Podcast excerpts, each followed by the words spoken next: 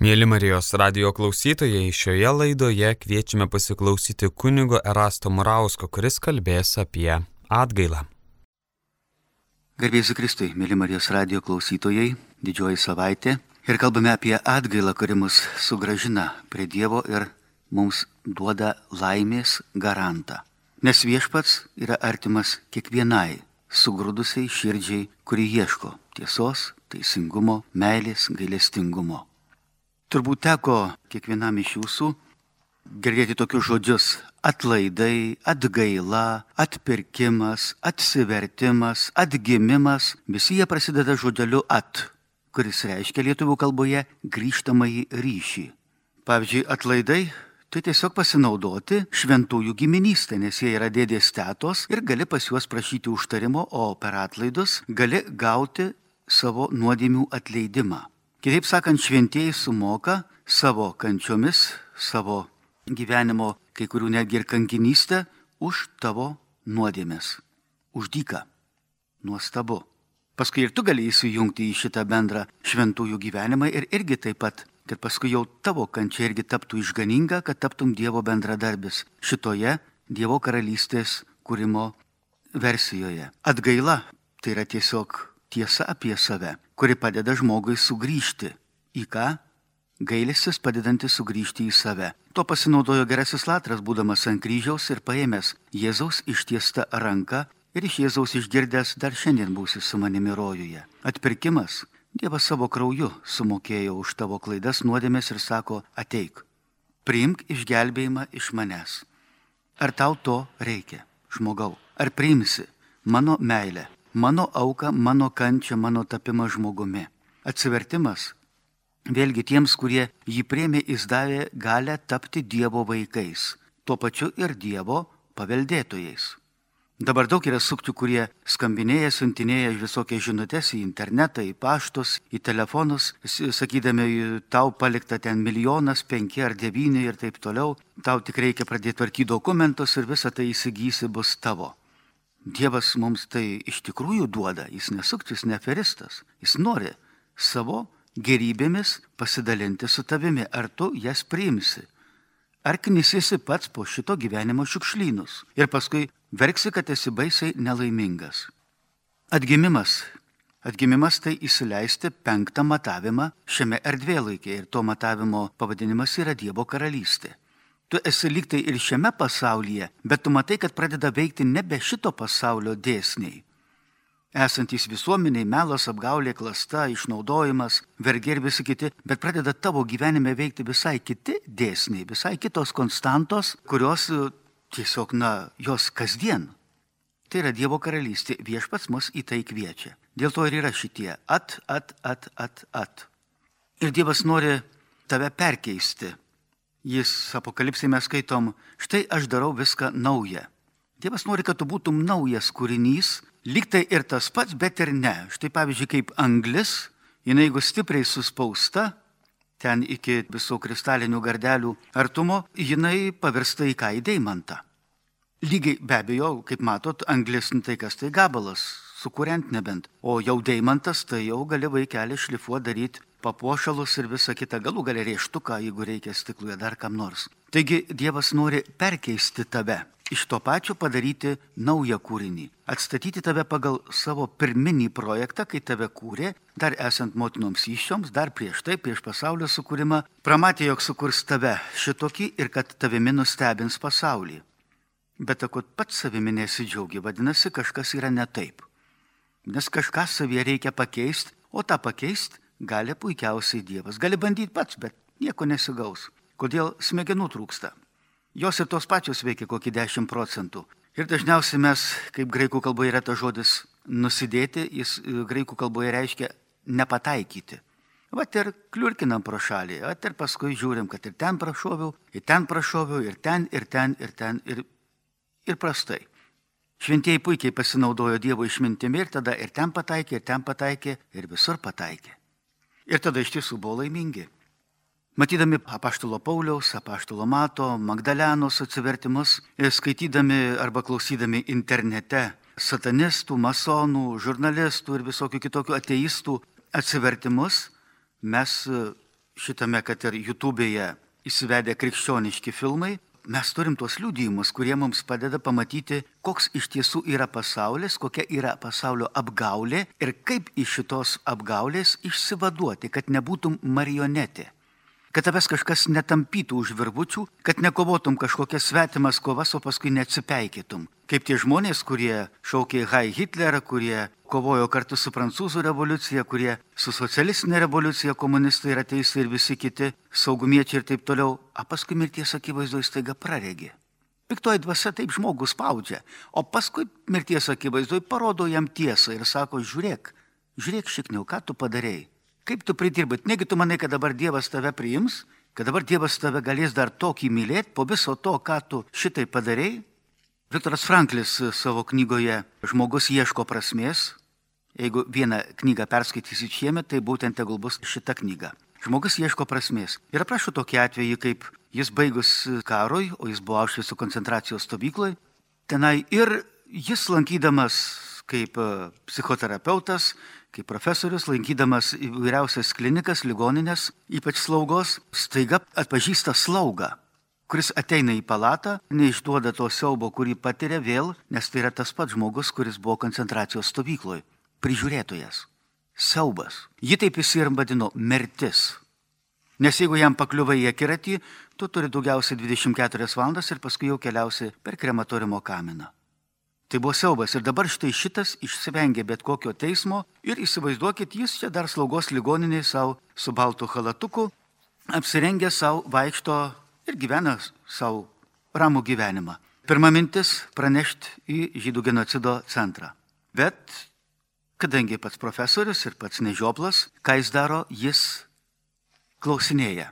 Klausinėja apie personalą, vadovybės, kitų ligonių ir taip toliau. Ir nežymiai taip paklausė ir apie tą slaugą. Ir nežmonės balsų sako, visi absoliučiai. Tiek personalas, tiek ligoniai sako, yra čia toks vienas, kažkoks pamišęs. Pamišęs dėl žmogaus. Jis sako, per naktis būna iki tol, kol tas žmogus iškeliauja. Valo, pats plauna, mazgoja ir, ir vėmalus, ir išmatas, ir visa kita, skalbia pats jų drabužius, sako, kažkoks nenormalus. Kitaip sakant, šventasis. Ir tada šitas Viktoras Franklis taiga supranta, čia nebėra to senojo žmogaus, čia yra jau tas kitas, perkeistas. Jis jau nebe tas. Ir dabar šitą priduoti į genocido centrą, Dievas jau padarė tą perkeitimo darbą, kažkas už jį matomai meldėsi, jį laimino ir Dievas tai panaudojo. Dabar jį žudyti būtų tiesiog, na, absurdas. Net nelogiška ir neprotinga. Štai todėl Dievas mus įspėja, sako, žiūrėk žmogau, tu kovoji ne su kūnu ir krauju, bet su galybėmis, su kunigaikštystėmis, su piktosios dvasios karalyste. Ir dėl to, jeigu tu galvoji, kad pats savo jėgomis ją įveiksi, be šansų, nes piktoji dvasia yra arkangelas, jinai yra intelektas. O tavo, kaip jau ir minėjau, veikia nuo 10, maksimum 18 procentų. Viskas. Jis tave apgaus taip, kaip pirmasis tėvus apgavo, kaip apgavo vokiečius tada su fašizmu, kaip apgavo rusus su socializmu, kaip apgavo prancūzų su prancūzų revoliucija ir visais laikais, kaip šiandien, plauna smegenį žmonėms su genderizmu. Lygiai tas pats, nieko naujo pasaulyje. Tos pačios priemonės, tie patys metodai, ta pati specifika, tie patys netgi žodžiai, kaip teko klausyti čia per televiziją, tie patys terminai Laisvė, lygybė, brolybė, kas ten dar, pažanga ir visa kita. Prisiklausėm 50 metų apie šituos dalykus ir puikiai žinom, kas už jų slepiasi. Bet jeigu tu turi reikalą su piktaja dvasia, tu tai žino, kad jinai žmogaus neapkenčia. Bet kokio žmogaus. Netgi tų pačių satanistų juos pavers keulėmis, kurias paskers ir suės. Piktosios dvasios esmė kokia yra? Jinai nesigaili. To, ką yra padariusi, dėl to negali sugrįžti į šviesos angelą. Dievas jai palieka tokią galimybę. Netgi pirmaisiais amžiais buvo tokia mintis, kad Žemėje gyvena žmonės ir žmonės demonai. Tie, kurie nupuolė angelai, kurie neturėdami žmogaus patirties, ką reiškia būti žmogumi, pasakė kartu su piktaja dvasia, su šitonu, kad netarnausiu žmogui. Nes jis yra menkesnė, silpnesnė, prastesnė ir visokia kitokesnė būtybė. O štai Dievas duoda šitiems nupolusiems angelams galimybę tapti žmonėmis, jie pereina visą šitą žmogaus gyvenimą ir tada apsisprendžia. tarnauti žmonėms ar visgi išnaudoti ir valdyti. Represinė sistema, kur yra šitame pasaulyje, ar prevencinė sistema, kurią yra pasėmęs Kristus ir kurią įdėgęs yra į bažnyčią. Netgi žiūrėkit ir Seneka išminčių sakė, protingas baudžia ne kad žmogus prasižengė, bet kad daugiau žmogus nepasižengtų, kad nebūtų pakartota tas blogis, kurį žmogus padarė. Štai ir Jėzus sako, aš atėjau tai neteisti, bet gelbėti. Bet dabar klausimas, ar tu nori būti Dievo išgelbėtas? Iš baimės, nevilties, neapykantos, puikybės, pavydo, lygų ir visokių kitokių dalykų. Ar pasitikėsi tuo, kuris tave myli besąlygiškai? Ir čia mums e, teologas Hansas Ursas von Baltazaras sako, iš Kristaus patirdamas Dievo meilę žmogus ne tik suvokia, kas yra tikroji meilė, bet tuo pačiu puikiausiai ir supranta, kad jis, žmogus, yra nusidėjėlis ir egoistas, kad nemoka iš tiesų mylėti. Aš puikiai tą esu pats patyręs ir tą pripažįstu. Žmogus vienu metu patiria du dalykus - kūrinio meilės ribotumą ir gėdingą savo širdies užkėtėjimą. Ta mes patiriam puikiausiai, kai pasirenkam blogį, kuris pagaliau blogis yra ne tik kitiems žmonėms, bet ir mums patiems. Žinoma, žmogus turi tam tikrą pirminę nuovoką, kas yra gėris, blogis, kas yra meilė, nes kitaip negalėtų išsiaiškinti Jėzaus Kristaus ženklo, to kryžiaus, kuriuo jis parodė šitam pasauliui Dievo meilę. Bet šis ženklas gali būti objektyvai neiššifruojamas ir prieštaringas nes Dievo meilė pasirodė kūne. Tai yra žmogiškos meilės forma. Dievas tampa žmogumi, kad mums būtų suprantamas, suvokiamas, nebūtų svetimas kaip kitose religijose kažkur aukštai, toli esantis kažkokia kitokia anapusybė, kurią reikia galbūt permaldauti, jai įtikti kažkaip maldų, aukų gausumo dar kažkuo. Ne. Jėzus sako, Dievas yra tavo tėtis, ateik pas jį, jis juk tave myli besąlygiškai. Yra toks vienas pasakojimas, mums tėvas Gedminas Numgaudis pasakojo apie šio pasaulio situaciją ir kas iš tiesų pasaulyje vyksta ir kokia prognozė. Kuo visa tai baigsis? Na, baigsis tuo pačiu kaip ir visais laikais. Kuo baigėsi prancūzų revoliucija, kuo baigėsi socialistinė revoliucija, kas buvo po to, kas buvo po fašizmo. Mes puikiai atsimenam, žinomgi, kuo viskas baigėsi tikintiesiems žmonėms, kuo baigėsi visam pasauliu. Genderizmas eina lygiai tuo pačiu keliu algoritmas yra lygiai tas pats. Nič nieko nesikeičia. Tada štai šitas pranciškonas Numgaudis mums pasakoja tokią istoriją. Irgi girdėta iš kito. Žmogus kas vakarą girdi, kažkas beldžiasi į duris, atidaro, ten piktoji dvasia. Įeina, žmogų sumuša, sudaužo, viską jo namuose sujaukia, išblaško, visą tai, kas yra jo žmogaus tuose namuose Taigi jo turtus, jo santykius su žmonėmis, viską, galų gale pačio žmogaus ramybę, jo susikurtą gerbuvį ir taip toliau. Ir štai žmogus godžiasi vienam savo draugui, sako, žiūrėk, kiekvieną vakarą va tokios bėdos ir problemos. O, sako, tai sako, labai paprasta, jokių problemų, sako, pasikviesk į draugystę Jėzų. Turėsi nuostabų draugelį, kuris tave nuo šito baiboko apgins. O kaip tai padaryti? Na tiesiog tu kreipkis ir jis ateis. Jokių problemų. Tiesiog savo žodžiais nuoširdžiai pasikviesk, Jėzau, tokios tokios bėdos problemos nesusitvarkau, ateik į mano gyvenimą, norėčiau, kad būtum kartu su manimi ir padėtum man apsiginti nuo to blogio, kuris ateina į mano pačio vidinį pasaulį, į mano kasdienybę, į mano rūpešius, į mano problemas, į mano namus ir taip toliau. Žmogus pasako tokius žodžius, tai yra malda, nes nepaprasta, nuoširdi, tikra. Ir iš tiesų atsiranda Jėzus Ir tada žmogus sukrunta, aha, taip Jėzau, žiūrėk, antram aukšte tau aš jau paskyriau kambariuką, ten ir gyvenk. Ten ir būk, kai reikės aš pakviesiu. Ir vakaras ateina, beldžiasi į duris, atidaro, vėl piktoji dvasia įeina, sudaužo, suspardo, ištaso viską, ištranko, išeina. Žmogus nueina į tą kambariuką, atidaro, sako, Jėzau, kur tu buvai? Piktoji dvasia vėl buvo, atėjo, žiūrėk, vėl viską sujaukė, ištaškė. Kaip jis sako, kur buvau? Nu, tam kambarėlį, kur ten man paskyrė antrame aukšte.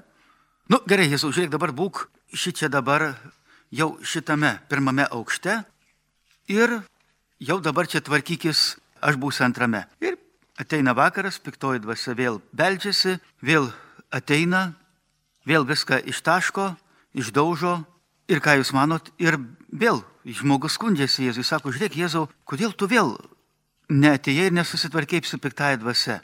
kur tu vėl buvai? Sako, tugi man nepaskyrė visų namų. Štai piktoji dvasia ir sutaškė tave, kai tu buvai antrame aukšte. Gerai sako, sako, dabar būk visose mano namuose, visose mano rūpėšiuose, visose mano santykiuose, viską dabar viešpatie derinsiu su tavimi, viską pavedu tau. Visko atsiklausiu, eit, neit, važiuoti, nevažiuoti, pirkti, nepirkti, susitikti, nesusitikti, daryti, nedaryti. Tegul bus viešpatie dabar tavo valia.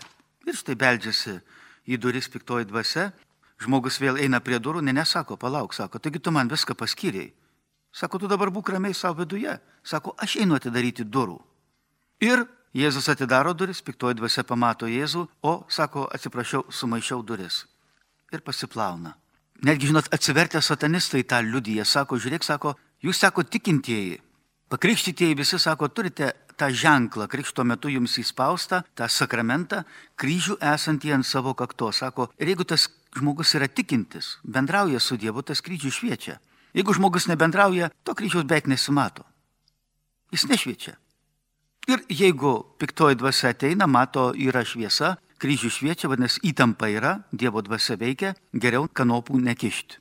O jeigu nešviečia, vadinasi, įtampos nėra, galiu tuos laidus tenai drąsiai liesti, gali su žmogum daryti, ką tik tais noriu. Ir ne tik gali, bet ir daro. Nes žmogus labai dažnai įsivaizduoja ir turi tą iliuziją, kad jis pats gali viską susitvarkyti. New Age'as ir daugybė kitų religijų apie tai ir kalba - išsigelbėti savo jėgomis. O jeigu savo jėgomis vadinasi man atleidimas, man išgelbėjimas nereikalingas. O juk Jėzus išvertus į lietuvių kalbą tai reiškia Dievas išgelbsti. Iš baimės, nevilties, vienatvės, žaizdų, nepykantos, kompleksų, priklausomybių, nuoskaudų, problemų visokių, kokios bebūtų finansinės ar kažkokios gyvenamo ploto, dar kažkokios, Dievas išgelbsti. Ir jeigu tau ateina baimė, sukaustimas ar dar kažkas, kreipkis į jį ta širdies malda. Keturi žodžiai. Jėzau Kristau, pasigailėk manęs. Jėzau Kristau, pasigailėk manęs. Jėzau Kristau, pasigailėk manęs. Kartok kaip kokią lašelinę. Sukapsės, atleis, dings. Susitvarkys, vėl grįž ramybė, vėl galėsi pilnu protu, o tuo pačiu ir su Jėzumi tas visas problemas įspręsti. Dievas nori būti bendradarbis, jis nori būti draugas. Ne tai, kad už tave viską padarys, Ne, tavo draugas bičiulis. Na, o 21 amžiaus vėžys, turbūt puikiai žinot, kas Jonas Paulius II yra pasakęs, sako, 21 amžiaus vėžys bus tolerancija blogiui. Žmogus įteisins blogį ir tada be abejo jokios atgailos tada jau nebėra. Aš nesigailiu to blogio, kurį padariau, nes viskas pateisinama. Tikslas pateisina priemonės. Taip ėjo fašizmas, taip ėjo komunizmas, Tai prancūzų revoliucija puikiausiai kapojo žmonėms galvas, nekaltiem vaikams, senukam, jokio skirtumo. Vyrams, moteriams. Kažkada ir Pitagoras sakė, antikos filosofas, žmogus niekada nebus laisvas, jeigu nemokės valdyti savo aistrų. O šiandien pasaulis draskosi, plėšosi, netgi čia per vienus rinkimus po visą šilovą važinėjo ir ant viso garso širpino žmonės, paleidęs mes nekokie moralistai na ten liberalų sąjunga, šitos dalykus plėšė. Va tiesiog mes nekokie moralistai, vadinasi, moralės nebėra. Moralės nebereikia. Laisvė. Absoliuti. O absoliuti laisvė yra vergyje. Absoliuti laisvė yra anarchija. Puikiausiai žinom, kad žmogui atgimti trukdo puikybė ir be abejo ta iliuzija, kad aš turiu. Turiu pareigas kažkokias užimu aukštas, turiu turtą, turiu namus, turiu žmoną, turiu sveikatą, turiu pinigus, turiu vaikus ir visa kita. Koks primityvumas. Nieko tu žmogau neturi. Bet ką, trūko gysla, kokia galvoja dar kažkas viskas, ir tu nebeturi. Tu viso šito nebeturi.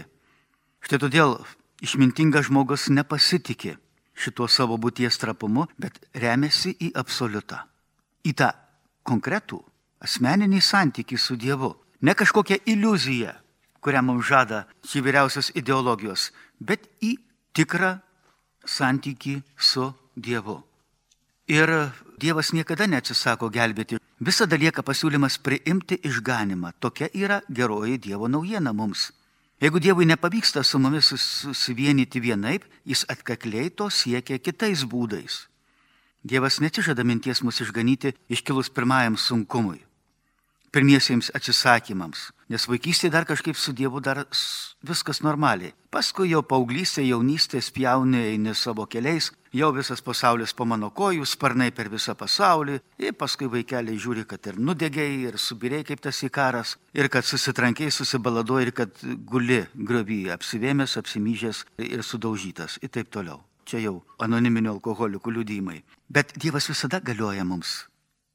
Šitas pasiūlymas priimti išganimą mums visada galioja. Yra toksai pasakojimas apie karaliaus puotą, kai Dievas į savo puotą kviečia visus, ateikit pas mane visi, kurie vargstate, esat prislėgti, sužeisti ir visokie, atgaivinti, ateikit ir turtingi, mafijozai, satanistai, visi ateikit, aš laukiu jūsų, jum paruošta puota. Ir ką jūs manot? Ir staiga žmonės, oi, ne, neturiu laiko. Tėvas Stanislavas apie tai mums e, pasakoja atėjus skirtam laikui pasirodė, kad kviestieji neteis. Vienas buvo pirkęs žemės, norėjo ją apžiūrėti, kitam rūpėjo išmėginti įsigytus jaučius, trečias nenorėjo jaunos žmonos palikti. Tuomet valdovas supyko ir liepė į pokylį pakviesti iš skersgatvių, aikščių net patvorių, vargšus, paliegėlius, aklus, lošus ir visokius kitokius girtuoklius ir prostitutės Kodėl Anas didysis karalius taip pat kakliai netgi įkyriai sudrumstė pasaulio raidos ritmą? Kodėl taip nuožmiai pasilgė tie protingiai žemvaldžiai, prekybininkai, maksimų ir visokių kitokių magnatai? Kodėl supykę už trukdymą užmušė nieko nenusikaltusius tarnus ir net sudaužė varpus, kuriais valdovas šaukė į puotą? Kai taip sekėsi prekyba, verslas, tas kvietimas buvo toks nepatogus, kai galėjai išnaudoti žmogų, dabar kviečia tave į brolystę su tai žmonėmis. Atsiprašau. O tačiau šiandien kiekviena bažnyčia kelia į bokštus varpus, skambina ir jais kviečia. Ir viešpats laukia, galgi žmogus visgi atsilieps. Biblijos pradžioje e, Dievas žmogui paskyrė, sako, užvaldyk žemę. Ir Dievas užkrovė mums tiek daug darbo, iš tai jau milijonus metų bandome įvykdyti jo įsakymų, tai kodėl negalime būti patenkinti šitą veiklą? Kodėl jis išsiuntęs mus į ūkį, į prekybą, kas septintą dieną atšaukia? Kodėl būtinai mus nori sustabdyti? Mat jeigu žmogus šešias dienas valdo, dirba žemę, žemė jo klauso. Bet jei jis ir septintą dieną neatsitraukia nuo jos rankų, įvyksta didžioji blogybės paslaptis. Nebe žmogus užvaldo žemę, bet jinai jį. Ir kad žmogus neliktų vergas, jis turi staptelti, atsikvėpti susikaupti. Juk darbo dienos atneša ne vien džiaugsmus, bet ir daug drumzlių, pykčio, apatijos ir septintą dieną Dievas dalina tai, ko per šešias dienas mes negaunam - vidinę ramybę, savo artumą. Ir jis kviečia ateiti pasimti šitos dovanos. Bet ar tu ateini, ar pasiimi, ar jis dar tau reikalingas, ar priimi tą meilę, kurią jis siūlo. Apie tai mums ir kalba ir Adriana von Speir, protestanto šveicaro duktė atsivertusi į katalikybę, buvusi gydytoja, mystikė, su tuo pačiu tėvu Hansu Urfu Baltazaru, įkūrė Švento Jono pasauliečių institutą. Jis sako taip, pasaulis puikiai žino, kad viešpaties ateimas jam reiškia reikalavimą atsisakyti to, ko jis nėra pasiruošęs atsisakyti. Žmonės nenori atsižadėti savo požiūrių, nenori atsiduoti viešpaties asmeniui, leistis tokiu būdu perkeičiami pagal tėvo valią. Tokio perkeitimo prasme jiems lieka nepažinta, nors Dievas aiškiai savo pažaduose jį nustakė. Pasaulis, kuris kažkiek toleruoja Dievą, net priima jo įstatymą ir atvirmai Dievui nesipriešina ir mano esas su kaupu atsiteisęs. Leistis įvestam į kažką naują, kas niekada nepaliaus būti nauja, žmogus nesutinka. Čia yra tikroji pažanga, atsivertimas Atgaila yra tikroji žmonijos pažanga. Įvedimas, kaip jau ir sakiau, į tą penktą matavimą Dievo karalystę, kai tu pamatai, kad staiga pasaulyje pradeda veikti visai kitokie dėsniai, visai kitokios konstantos pradeda galioti. Kad jis pasidaro šviesesnis, žmogiškesnis, tau pačiam staiga pasidaro lengviau kvepuoti, atsiranda spalvos, nebereikia kažkodėl kažko kovoti, vaidinti, apsimesti, gali nusimti kaukę ir kvepuoti pilną krūtinę. Bet ar tu visą tai priimi? Juk žiūrėkit, yra tie trys tikėjimo aspektai. Tikiu Dievą, tikiu Dievu ir tikiu į Dievą. Tikiu Dievą, Na, tikiu, kad yra kažkokia aukščiausia būtis, tuo tik ir masonai, kad yra kažkoks pasaulio architektas, kuris visą tai sumonstravo. Galų galę net ir lietuvių mitologijoje yra tas aukščiausias dievas, praamžestas, kuris viską sukūrė, užvedė ir paliko valdyti žemesnėms dievybėms. Visa tai yra, bet. Bet jokio santykio su šituo dievu nėra šičia. Jeigu tikiu dievu, tada jau tikiu tuo, ką jis yra pasakęs ką jis yra paskelbęs, tikiu šventų raštu, iš jo semiuosi, išminties visą kitą ir taip toliau galiu tapti netgi teologas, parašyti krūvą doktoratų ir visą kitą, skaityti paskaitas, vesti konferencijas, rekolekcijas ir taip toliau. Ir šnipštas, nulis. Kodėl? Santykio nėra su Dievu. Jis nėra mano draugas, aš jo nepriemiau į draugus. Su juo savo svajonėmis nesidalinu. Su juo savo vargais nesidalinu, kai ištinka bėda, stengiuosi visgi pats įspręsti arba ieškau, kas kaip pasaulis tą įspręstų, o nesikreipiu į Dievą, tiesiog instinktyviai. Taip kaip vaikai instinktyviai tiesiog ištikus bet kokiai bėdai ar problemai bėga pas tėtį, pas mamą. Ar pas mane taip yra? Jeigu nėra, vadinasi, tas tikėjimas kol kas yra negyvas. Ir pagaliau yra tas tikiu į Dievą. Kai iš tiesų su juo derinu, su juo svajoju, jam pavedu savo kasdienybę. Be abejo, tai yra sunku, tai nelengva, bet visgi tai yra tiesiog būtina. Būtina pasitikėti ir atsiverti Dievui visiškai ir galutinai. Tai netgi apie tai rašė netgi Platonas savo alegorijoje, kai sako žmogus, šiame pasaulyje yra tarsi sėdintis nugara į olą, oloje sėdintis ir žiūri į ten oloje esančią sieną, kurie mato savo šešėlį ir praeinančių tenai už nugaros realybėje žmonių, daiktų, paukščių, gyvūnų šešėlius. Gyvenam tokiam šešėlių pasaulį, nematom esmės. Nuo pirmųjų tėvų pažinimo vaisiaus suvalgymo apakom. Dvasinių dalykų nebematom, matom tik materialius ir juos susikoncentruojam.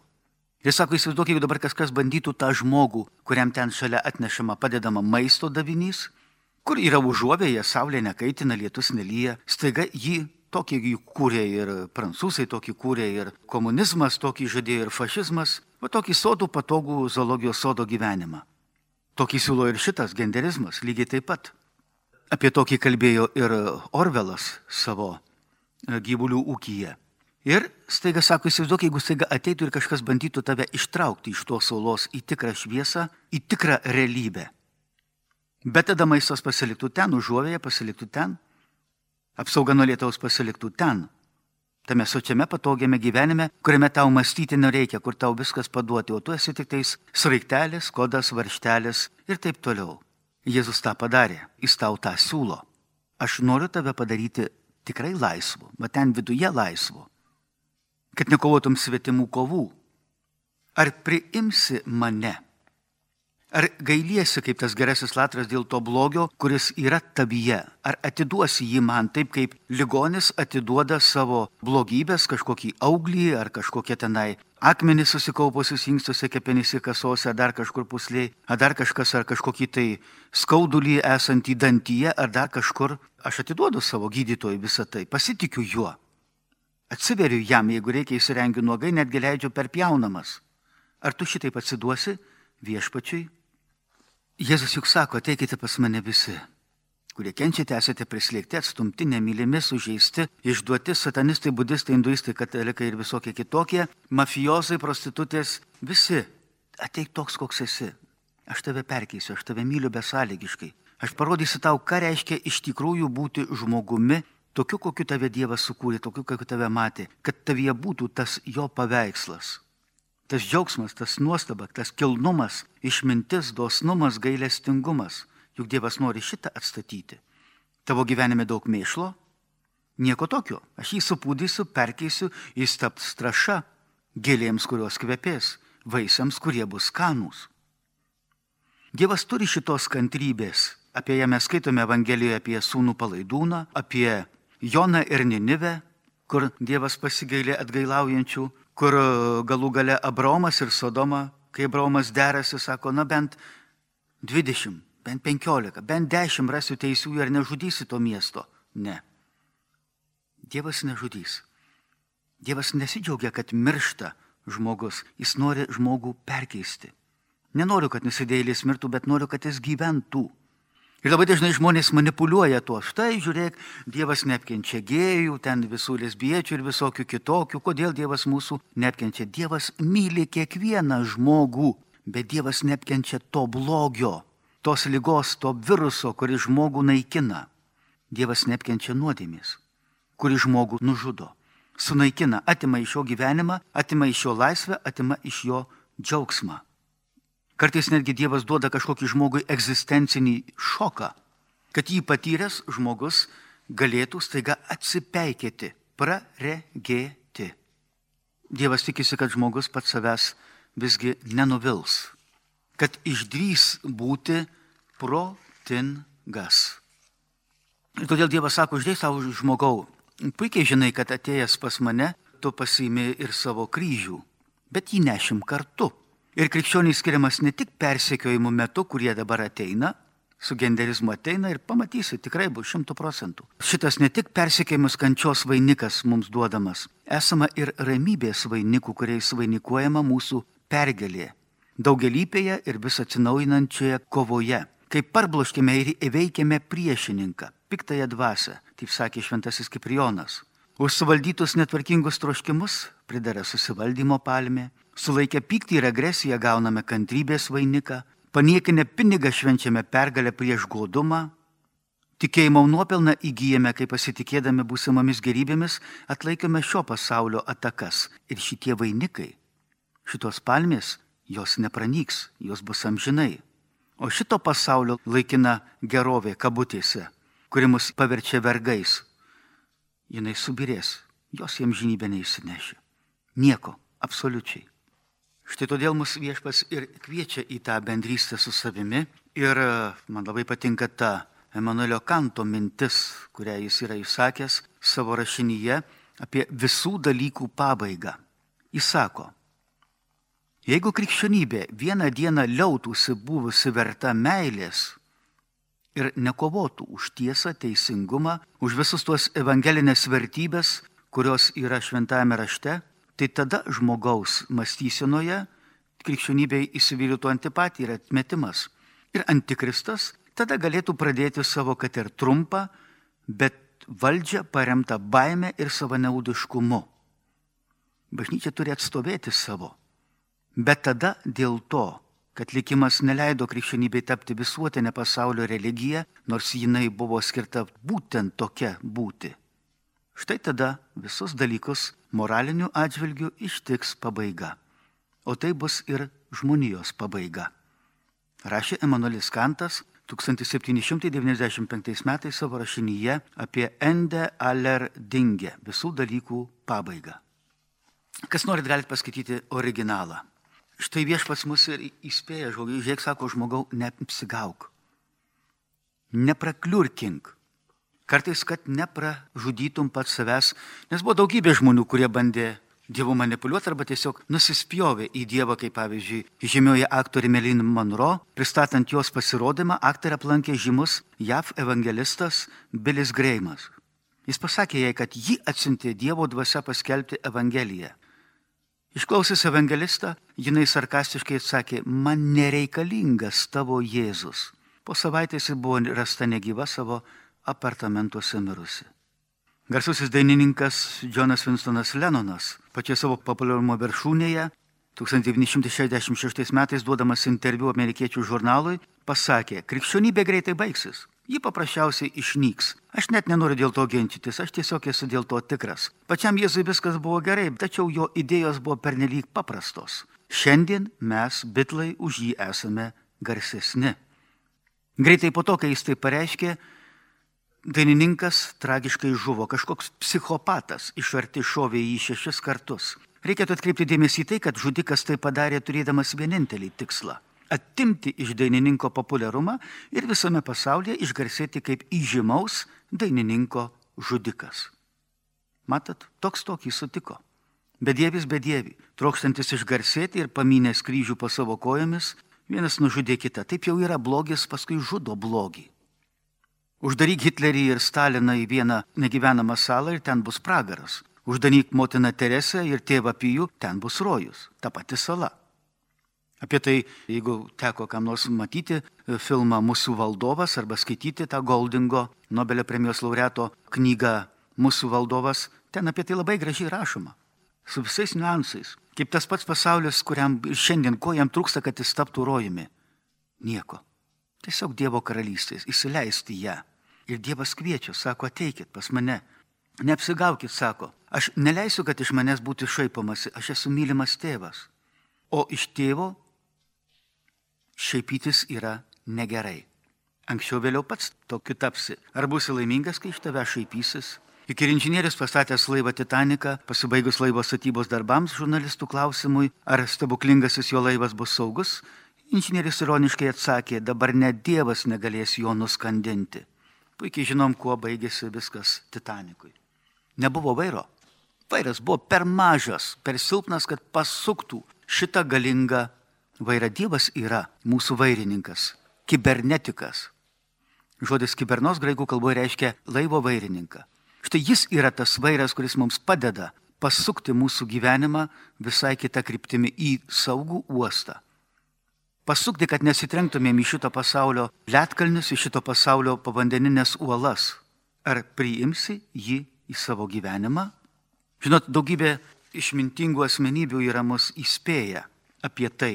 Pavyzdžiui, matematikas Laplasas yra pasakęs taip, aš pakankamai ilgai gyvenau, kad galėčiau patirti tai, ko pirmą netikėjau.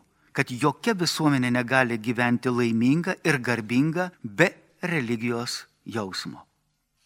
Mūsų smaikininkas Šepinskis yra pasakęs, patenkinimas gyvuliškų apetitų duoda pasitenkinimą, bet jis neduoda laimės.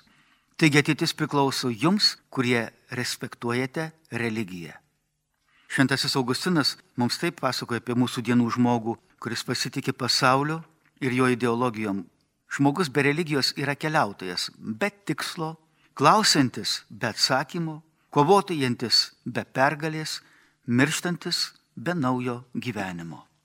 Levas Tolstojus pasakė taip, žmogus gali užmiršti, kad jis turi religiją, kaip jis gali ir užmiršti, kad turi širdį. Bet be religijos žmogus negali gyventi lygiai taip pat kaip ir be širdies. Karlas Jungas, psichoterapeutas, sako, religija bent asmeniškas rimtas nusistatymas link amžinųjų dalykų yra būtinas veiksnys protiniam žmogaus sveikatingumui.